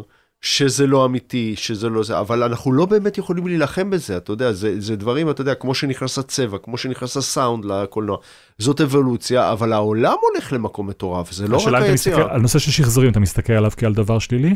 לאו דווקא, ממש לא. יש דברים נורא מעניינים, אבל uh, אתה יודע, לייצר ארכיון מלאכותי שהוא מרפרר לנקודה ספציפית, זה, זה עלול להיות בעייתי. זה עלול להיות בעייתי. עכשיו, אתה, אתה יודע, זה חלק מהאחריות שלך כיוצר, אתה, אתה, יש לך איזשהו אה, חוזה בלתי כתוב עם, ה- עם, ה- עם הצופה, שאתה אמור לנסות לפחות אה, לדווח משהו שהוא אמיתי. עם כל הסובייקטיביות שאתה מגייס בעבודה שלך. אבל אני יודע שזה מלחמה עבודה. אני יודע שאנחנו עוד עשר שנים נשב כאן, ואנחנו נהיה בעולם אחר לגמרי, ואנחנו, אני כבר, אני, אתה רואה שה... כאילו, אתה רואה בעצמך מה קרה לעיתונות, מה קרה למושג של אמת בכלל. כל הפייק ניוז, כל הדברים האלה, כל ההטיות המסחריות, כל הדברים האלה. זה, זה מלחמה שהיא, שאין אין לה סיכוי, ודווקא מהבחינה הזאת, גופים שהם לכאורה ציבוריים וזה, יש להם איזשהו מנדט לפחות לנסות לייצר אלטרנטיבה. אבל בגדול זאת מלחמה אבודה. מצד שני, מהמקום היצירתי, אתה באיזשהו מקום כן מחפש להמציא את עצמך כל פעם מחדש נכון. ולעניין את עצמך עיין ערך העיצוב האמנותי המיוחד של מכונת המיתוסים. נכון. לאן אתה רואה את עצמך רוצה להמשיך אה, ללכת מהבחינה הזאת? איזה ז'אנרים לא ניסית, איזה דברים לא ניסית מבחינת אה, אה, סגנונות שאפשר לשלב בתוך הסרט? תראה, אני תמיד מחפש uh, לאתגר את עצמי, אבל אני נורא... Uh, אני בשנים האחרונות, uh, נורא, התחלתי נורא להאמין באינטואיציה. זאת אומרת, יש סיפור על האדמו"ר הקודם של בלז, הרב אהרון מבלז, שבא אליו חסיד ואומר לו, תשמע, אה, אני רוצה להשקיע בבורסה, במניות האלה והאלה, כדאי לי? אז הוא אומר לו, לא. אז הוא אומר לו, מה לא? למה לא? אז הוא אומר לו, תקשיב, אתה שאלת אותי, ענית עניתי לי את התשובה האלוהית. אתה רוצה את הדעה שלי, אז עכשיו אני אגיד לך את הדעה שלי. זאת אומרת, הכוח של האינטואיציה הוא משהו שאני מאוד מאמין בו, בזה. אפרופו גם השאלה של בללי. זאת אומרת, הרבה פעמים אני משחרר ונותן לעצמי ללכת עם הדברים בלי שאני לגמרי מבין אותם. זה היתרון של פרויקטים שהם לטווח ארוך. ואני כאילו, אני תמיד מחכה, אתה יודע, זה אחד הדברים היפים במקצוע הזה, ש, שבסוף עדיין, לפעמים קורים לך דברים מול המצלמה שאתה לא מאמין. זאת אומרת, אתה לא מאמין, אני זוכר הרבה פעמים בלוד, נניח, עם קירמן, אני עומד שם עם עודד קירמן הצלם, צלם, כן. והוא מצלם, ואני עומד לידו, והוא, והוא מסנן כזה שלא ישמעו אותו בסאונד, אני לא מאמין שזה קורה, אני פשוט, אני לא, לא, זה לא, זה לא קורה עכשיו, כאילו, וה, וזה, הרגעים הכי כיפים. זה היופי של המקצוע הזה, בטח. זה היופי של המקצוע, וזה יכול לקרות לך בלוקיישן של יריות, וזה יכול לקרות לך באולפן מול בן אדם. זה, ה, ה, הדברים האלה, הספונטניות, הדברים האלה, זה היופי של המקצוע שלנו ב, במידה רבה. אבל אפרופו השאלה של גלעד, תשמע, כבר היום, אתה יודע, סתם לדוגמה, אני אתן לך אנקדוטה שהיא באה מהתחום הפוליטי. הרי עכשיו שהיה את המאבק עם התאגיד, כל העניין הזה. אתה אומר היה, כאילו אנחנו לא נחזור לשם בעוד אה, שבוע, שבועיים. כן, לא, לא, אני לא חושב שכרגע לפחות במידה הזאת, זה גם נורא תלוי מה יקרה בסוף עם הרפורמה המשפטית, כמה... אבל היה איזשהו רגע שקבוצה של יוצרים נכנסנו לתוך אחת מהקבוצות וואטסאפ של השר קרעי. מהמם. והתחברנו לקבוצה הזאת, התחלנו לנהל איתם דיונים עם האנשים, עם התומכים שלנו שנמצאים בקבוצת וואטסאפ הזאת. בקבוצת הוואטסאפ אתם מזדהים כ- כיוצרים דוקומנטריים? כ- אוקיי. קבוצה פתוחה, אתה נכנס ואתה לא מזדהים כיוצרים דוקומנטריים, מצטרפים לקבוצה. ומתחילים להתפלמס עם האנשים האלה. ואתה קולט שעם חלקם, אנחנו חיים במציאות מקבילה לחלוטין, זאת אומרת, מקורות המידע שאנחנו מקבלים, מקורות החדשות שאנחנו צורכים, הם שונים לגמרי, זאת אומרת, כל הדיבורים האלה על דיפ סטייט ועל קונספירטיביות וכל כל מיני דברים שאתה לכאורה מלגלג עליהם, עבור חלקם, לא מלגלגים, אבל זו שפה אחרת. זה אלה שפות אחרות, והעולם זה הולך יקום למקומות- מקביל, כן, כן. והעולם הולך למקומות האלה, כל אחד מול הסמארטפון שלו צורך דברים אחרים, לטוב ולרע. אני חושב שזאת תחושה של הרבה אנשים בימים האלה של המאבק, שאין לך באמת, מדברים על הידברות, הידברות, אין, אין דרך לנהל הידברות כזו. אה, כן, כן, זה נכון. אה, כי, כי, כי תשמע, כי בסופו של דבר כולנו ראינו את הסרטים האלה שעשו בזמנו על, אה, על, על אה, פייסבוק ועל כל, כל הסרטים, זאת אומרת, שהאלגוריתם מעודד זעם וכעס וקיטוב. כאילו אנחנו מרגישים שאנחנו חיים כאילו בחברה נורא חופשית, שכל אחד יכול ל- לפתוח את המחשב ולהתבטא ולכתוב איזה פוסט, אבל פתאום אתה קולט שמשחקים לנו בראש ויש איזה ארבעה אוליגרכים שעושים עלינו קופה. זה לא שזה פה החברה יותר חופשית. אבל עוד פעם, זה, אני כאילו מבחינתי זה שאלות, אני מנסה להתמודד עם דברים שאני יכול אולי כן להשפיע עליהם, ואני מבין שיש דברים שהם כל כך יותר חזקים ממני ומ... תשמע, מי היה מאמין לפני 20 שנה שאנחנו כולנו, כל דקה פנויה שתהיה לנו, נשב עם הפאקינג טלפון הזה ונ- ונדפדף בו. כאילו זה הזוי. גם זה, אתה? כולם, מי, מי לא? אתה מכיר הרבה אנשים שלא? אני לא מכיר. אה? אין, אין דבר, זה, זה מטורף, אנחנו כולנו, אתה יודע, אני מנסה איכשהו, אז אין לי וואטסאפ במחשב, אין לי פייסבוק במשרד. לא באת בהתחלה, התגאית בפנקס המרופט הזה שאיתו כן. אתה הולך לכל מקום, אוקיי? כן, אבל, אבל עזוב, זה תפס אותנו ברמות אה, הזויות, ו, ואני חושב שזה גם משנה את המקצוע שלנו. ו... אבל, אבל השאלות ש, שגלעד מציב הן שאלות אה, מאוד מאוד מטרידות, אתה יודע, כאילו, אני, תמי, אשתי, בת הזוג שלי, עובדת בפרסום, כן. ואני תמיד אומר לה, את עובדת במקצוע הכי טהור.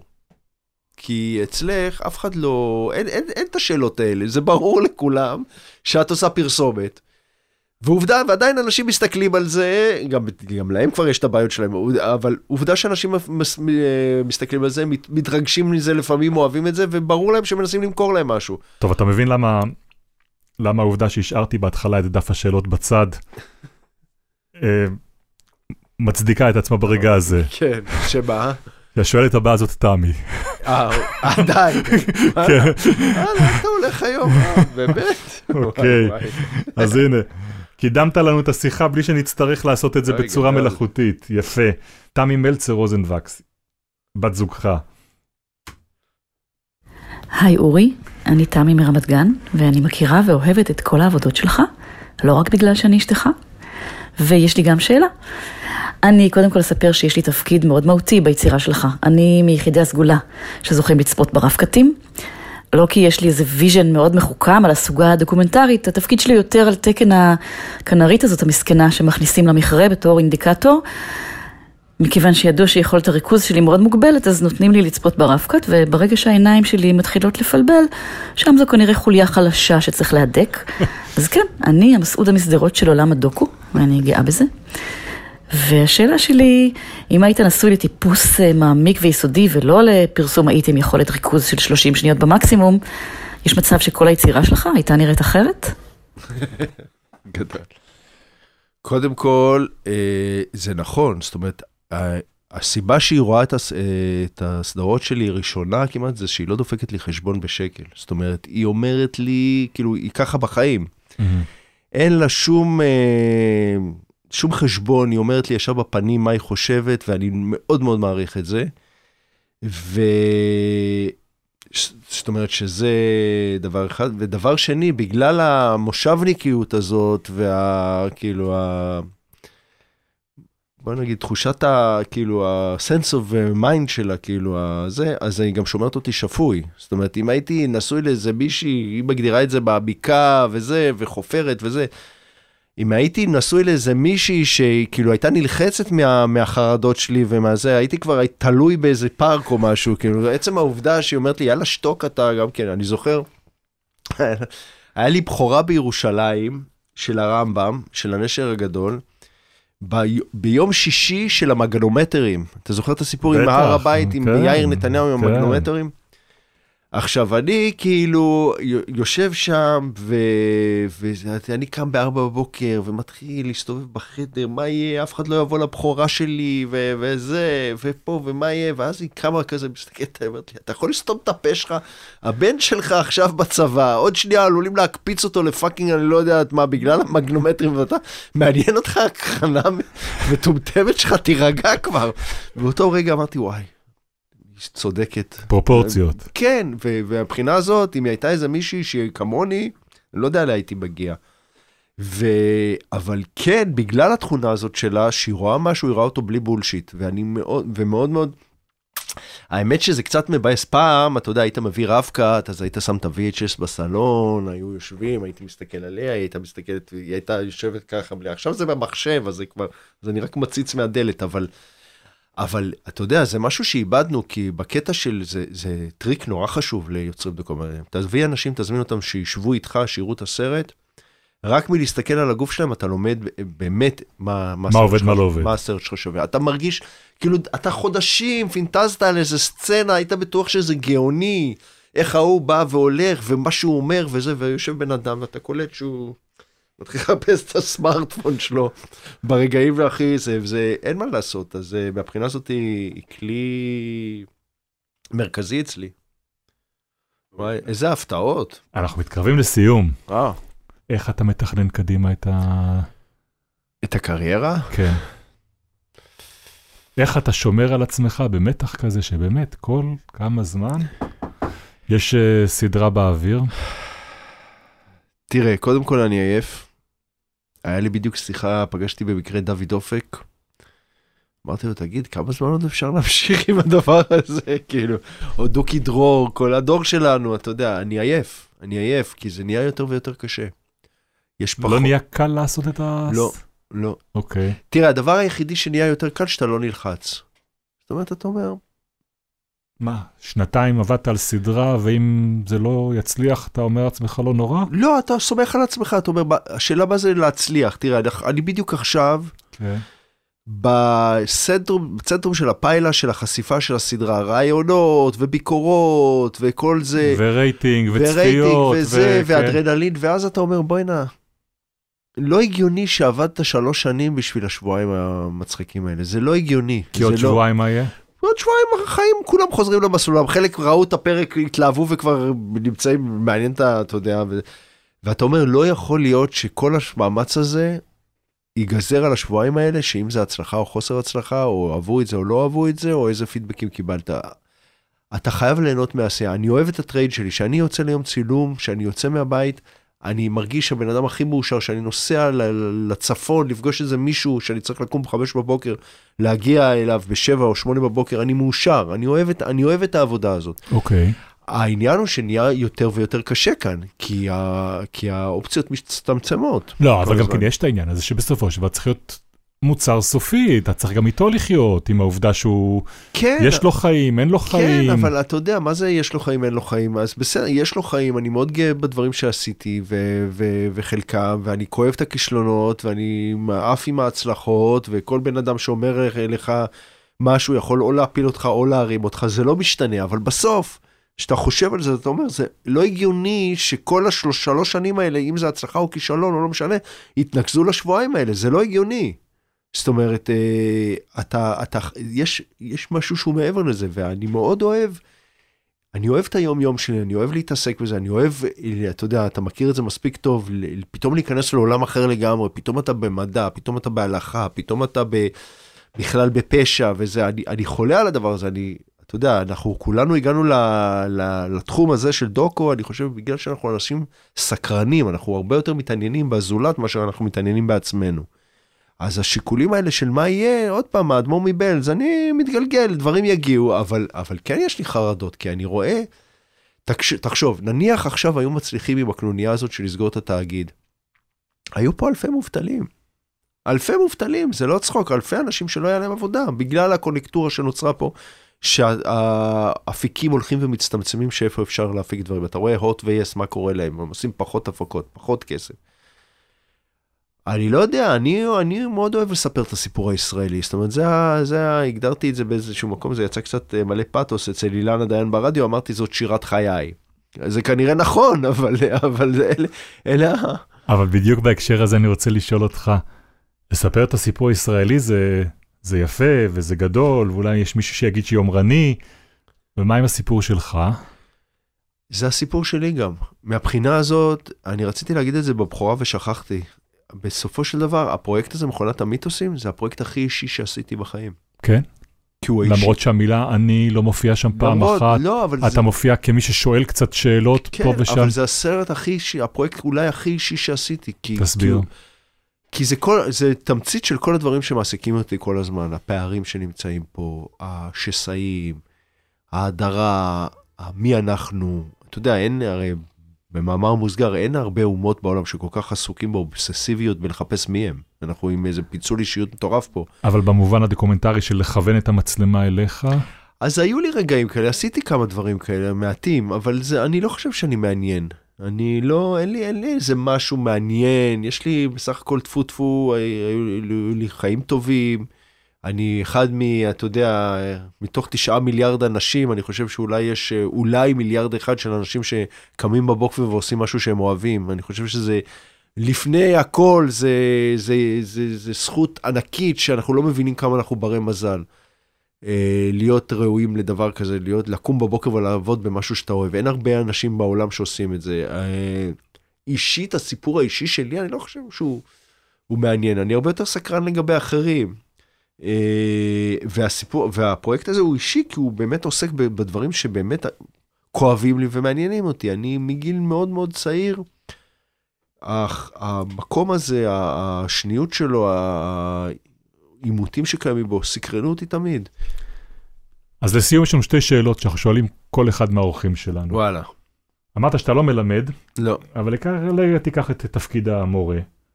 כי אם הייתי מעמיד אותך עכשיו מול כיתה, לא כיתת יורים, כיתת, כן. כיתת תלמידים, והיית יכול לדבר אל אחד מהם, אל איזשהו תלמיד אה, ככה שנמצא בתחילת דרכו. יש איזשהו טיפ או עצה שהיית מצייד אותם לדרך? אה, קודם כל, אני כן, אה, היו לי ניסיונות בללמד, הייתי, לימדתי באחד הבתי ספר המובילים בארץ, ואז פתאום באמצע איזה שיעור, אמרתי להם, אני הולך שנייה, נכנסתי למעלית, הלכתי, נכנסתי לאוטו ונסעתי, השארתי אותם ככה. כי מה? כי הרגשתי זה ש... התקף חרדה? לא, הרגשתי שזה לא באמת מעניין אותם. שאמרו להם שהם צריכים ללמוד גם דוקו, והם עשו, באו לסמן הם באו. לסיים שפיגל כדי ללמוד, ספר לי על זה. ואני כן נניח מלווה עכשיו בערבה, בקרן ערבה, יוצרים מבוגרים, אני כמו איזה רופא כפרי נוסע בין המושבים ומלמד קולנוע. כן?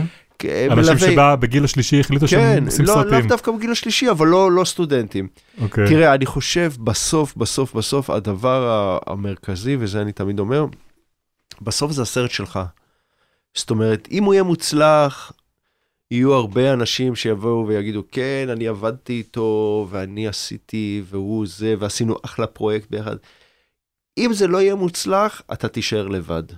ו- ו- וכולם יגידו, אני אמרתי לו, אבל הוא לא הקשיב, אני זה, אני עשיתי ככה והוא לא זה, ואני חשבתי שכן, אבל הוא לא היה עקשן וזה. בסופו ולכן? של דבר זה הסרט שלך, תקשיב לכל מה שאומרים לך, אבל בסופו של דבר את ההחלטות תיקח בעצמך, אבל תדע לשאת גם באחריות. תדע לקחת אחריות על כישלונות גם. וזה העניין. בסופו של דבר, אתה, בעיקר כשאתה צעיר, מלא אנשים באים ואומרים לך, תעשה ככה, תעשה ככה, תעשה ככה. תקשיב, תקשיב לאנשים, אבל בסופו של דבר תהיה מוכן לקחת את האחריות לטוב ולרע. ויש מקרים שאתה נשאר מאוד אה, בודד, בדידות מזהרת, עם, ה... עם הכישלון שלך, אתה יודע, להצלחה אבות רבים. ואני חושב שזה חשוב, כי בסופו של דבר, כשאתה יוצא לדרך, אתה רוצה לספר סיפור שהוא שלך. זה שאתה שותף עם הרבה אנשים, וזה שאתה אה, עובד עם הרבה אנשים מתוך ה... הענף הזה או המקצוע הזה, זה בסדר, אבל בסופו של דבר אתה צריך לקחת את האחריות ולעשות מה שאתה מאמין בו. אה, זה, זה אולי הטיפ היחיד אה, ש... חשוב, כן. טיפ חשוב. אתה מוצא את עצמך אומר את זה לעצמך? כן, כל כן? הזמן, ברור, ברור, אתה חייב, כאילו, כי הרבה פעמים, אתה יודע, אנשים אומרים לך דברים הפוכים, הפוכים לגמרי, כאילו, בן אדם אומר לך, תשמע, זה מדהים וזה וזה, אחד אומר לך, זה זבל, תשמע, כאילו, אתה, כן, אתה אומר בן אדם, אבל כשזה הרפרנטית שמלווה אותך בתאגיד, המנהלת שהזמינה ממך את, ה... את הסדרה והיא אומרת לך, תקשיב, לא, לא יכול להיות שלא תיגע בעניין הזה, או לא יכול להיות שאתה הולך לכיוון הזה. עזוב, מילא זהו, אומרים, אומרים לך, זה חרא, כאילו, אומרים לך, תשמע, זה על הפנים, כבר, גם זה היה לי מספיק פעמים. אתה, אתה, תשמע, אתה צריך לבחור את הקרבות שלך, אתה צריך להקשיב, אתה צריך להבין, אתה צריך להראות לעוד אנשים, אבל בסופו של דבר, גם אם זה רפרנט, או מנהל ערוץ, או כל דבר אחר, אם אתה מאמין בזה, אתה צריך להתעקש על זה, והיו לי מקרים שאני הלכתי נגד כולם, כולם, וצדקתי, ואז הם לא כל כך זכרו שהם אמרו לי הפוך. לא, בטח. והיו מקרים הפוכים שהייתי משוכנע שאני צודק וזה וזה ו- והתרסקתי, אבל בסופו של דבר לקחתי את ההחלטות שלי. שאלה אחרונה, אורי רוזנבקס, אם היית יכול לחזור לעצמך, לאיזשהו רגע, לאיזושהי נקודה בחיים, כדי להגיד לעצמך שם משהו, לאן היית חוזר ומה היית אומר? וואו, באופן כללי, בכל החיים? תחליט. וואי וואי, תן לי רגע לחשוב. חוץ ממקרים שפגעתי באנשים שלא הגיע אליהם, אין, אין, אין הרבה דברים שאני לגמרי מתחרט, כי גם את השטויות שלי עשיתי ב- מתוך הכרה, אתה יודע, אבל... אה, רגע, ומעניין, זה מה שחולף לך עכשיו בראש, אנשים שפגעת בהם והיית... כן, כי אני לא, כן, אתה יודע, אני כאילו בעיקר, אה, יש כמה כאלה שאתה רואה עכשיו מול עיניך? כן, כן. תראה, קודם כל הייתי ילד מופרע, שכאילו, שההורים שלי חשבו, ששמעו שאני הולך לקולנוע, פתחו שמפניות, אמרו, אתה יודע, כשאני הלכתי ללמוד קולנוע, אז התקשר אליי חבר מהשכונה בבאר שבע, מימון אומר לי, תגיד לי, אתה מטורף? מה אתה הולך ללמוד? אף חבר שלי הלך ללמוד, הוא נהיה נהג אמבולנס, אין לך מה לעשות, זה עבודה, לא יהיה לך עבודה וזה. עד היום כל הקרנה, כל בחורה שהוא מגיע, כולל יום שישי שעבר, אנחנו נזכרים בסיפור הזה. אבל ההורים שלי פתחו שמפניות, הם אמרו, "או, הכבשה השחורה של המשפחה, הוא הולך ללמוד באוניברסיטה, לא משנה מה. לדעתי אתה הראשון שאומר לנו דבר כזה פה. מה? כן. שההורים שלו מרוצים מזה שהלך ללמוד קולנוע. כן, הם אמרו, וואי, לפחות, הנה, הוא לא... זה, אבל, אה, אבל אני כן, בעיקר בשנים שהובלתי את, פורום היוצרים הדוקומנטריים, וזה, כאילו, יש לי איזה אה, ג'נן כזה, קופץ לי הברית בהרבה מקרים, ו... ואני מתחרט על דברים ברמה הזאת. אה, אני גם מאוד מאוד קשה לי אחרי שאני מתפרץ, נניח שובר קיר במועצת הכבלים והלוויין, זה לא בא לי טוב אחרי זה. מה, מול פוליטיקאים אתה מרגיש לא נוח? לא, אני מ- בדיעבד. מרגיש... אתה יודע, שיש את ההפגנות האלה, אז תמיד אה, זה עוד סיפור עם תמי. תמיד שהיא יודעת שיש איזה מאבק וזה, היא אומרת, תעשה טובה, פעם אחת אתה תהיה בשורה מאחורה. כאילו, אתה לא צריך להיות זה שחוטף את המכות, אתה לא יכול להיות זה שמתחמם וזה. עכשיו, יש לי uh, תדמית של, נניח בכינוס שהיה בצוותא שם, צרחתי עם מגפון בתוך ה... הנה, לדוגמה, משהו שאני מתחרט עליו. היה שם, uh, עלה לדבר אורי גרודר, שהוא חבר, הוא uh, במאי חרדי. ואני ראיתי שעומדים 400 איש אה, בחוץ ולא נכנסו לתוך האולם והם עוד שנייה הולכים הביתה. אני עליתי על המגפון וקטעתי לו את הנאום ו- וזה התפרש כאילו שאני מזלזל בו בגלל שעומד אדם חרדי על הבמה ואני פתאום מתערב לו ואנשים צעקו עליי, הרגשתי מאוד לא נעים בעניין הזה והתנצלתי בפניו, אבל, אבל אלה הדברים, אני לא... אין נקודות, תראה, אני אגיד לך דבר אחד ש... שאולי עולה לי, כן, אני מתחרט על זה שלא חייתי בחו"ל. כאילו, אני בתור ילד, אה, ההורים שלי אקדמאים וזה, חיינו מספר שנים בחו"ל. אני לא הצלחתי להעניק את הדבר הזה לילדים שלי. אה, זה אולי דבר אחד ש... שקצת לא באמת חוויתי כבן אדם מבוגר חיים בחו"ל. אז כל העניין הזה שאני אומר שאני אעזוב, שאני זה, אני לא באמת יודע איך זה, מה זה יעשה לי. אני יודע שקשה לי לחיות במקומות אחרים, אבל, אבל אולי זה משהו שהוא תחושת פספוס. חוץ מזה, אני, אני אה, ג'ומו, לא פומו, אתה יודע. אתה מה? אני ג'ומו, לא פומו. תסביר. פומו זה the fear of missing out, לי יש ג'ומו, the joy of missing out. זאת אומרת, אני, כאילו, אין לי, אתה יודע, יש אנשים, יש לי חבר קרוב, הבן אדם, בג'ננה, הוא רק רוצה לעשות דברים וזה, ואני, ואחד החברים הכי טובים שלו הפוך, רק לא לעשות, רק תעזוב אותי, תן לי. אז, אז אני לא, אני, אני נורא מרוצה ממה ש... אתה יודע, אמרתי פעם בריאיון לפני כמה שנים, ניר ברגמן תמיד מזכיר לי את זה, הוא אומר, זה היה לפני הרבה שנים שאמרתי, אה, זאת היה בתקופה שהיו אוספים אותנו מהבית לצילומים, אמרתי, כל פעם שאוספים אותי מהבית לצילומים אני מתפלא. כאילו, שבאה המונית לקחת כן, אותי, כן. כן. עד היום זה לא עבר לי הקטע הזה, זאת אומרת, העניין הזה שכאילו, אני מרגיש באמת בר מזל, כי אני עוד מדור שהתחלנו את העבודה, את התחום הזה, לא היה תחום. פתאום זה נפל עלינו, אתה יודע, פתאום נהיה ערוץ 2, כבלים, וזה פתאום נהיה פה תעשייה. אני עוד במנטליות של אנשים שהלכו ללמוד קולנוע ואמרו, מה, מה הם יעשו אחרי זה? אז אין לי טענות ברמה האישית, אין לי תחושה של איזה, יש לי הרבה חרדה למה שיהיה פה, אבל זה כבר, על זה קצת דיברנו. על זה קצת דיברנו ועל זה גם לא נוכל לשנות, אבל לעשות סרטים זה תמיד מעניין פה. כן, יותר טוב מלעבוד, כמו שאבי כהן אומר. אורי רוזנבקס, תודה רבה לכם, רבה על תודה השיחה לכם. הזאת, תודה. בכיף. זהו, זה הגלם שלנו להיום. את חומרי גלם עורכת דפנה יודוביץ'. ערך את הסאונד יונתן שני. חומרי גלם זה הפודקאסט של טלי, חברת התמלוגים של יוצרות ויוצרי הקולנוע והטלוויזיה בישראל. תודה רבה למירב קליין מטלי על העזרה שלה בהפקה. תודה מיוחדת לאורח שלנו, הבמאי והמפיק אורי רוזנבקס. כל השיחות הקודמות שלנו עם יוצרות ויוצרים אפשר לשמוע בכל אפליקציות הפודקאסטים. חפשו שם חומרי גלם. בקרוב נשוב לכאן עם גלם חדש, ועד אז ממני בן שני, תודה לכן ולכם על ההאזנה.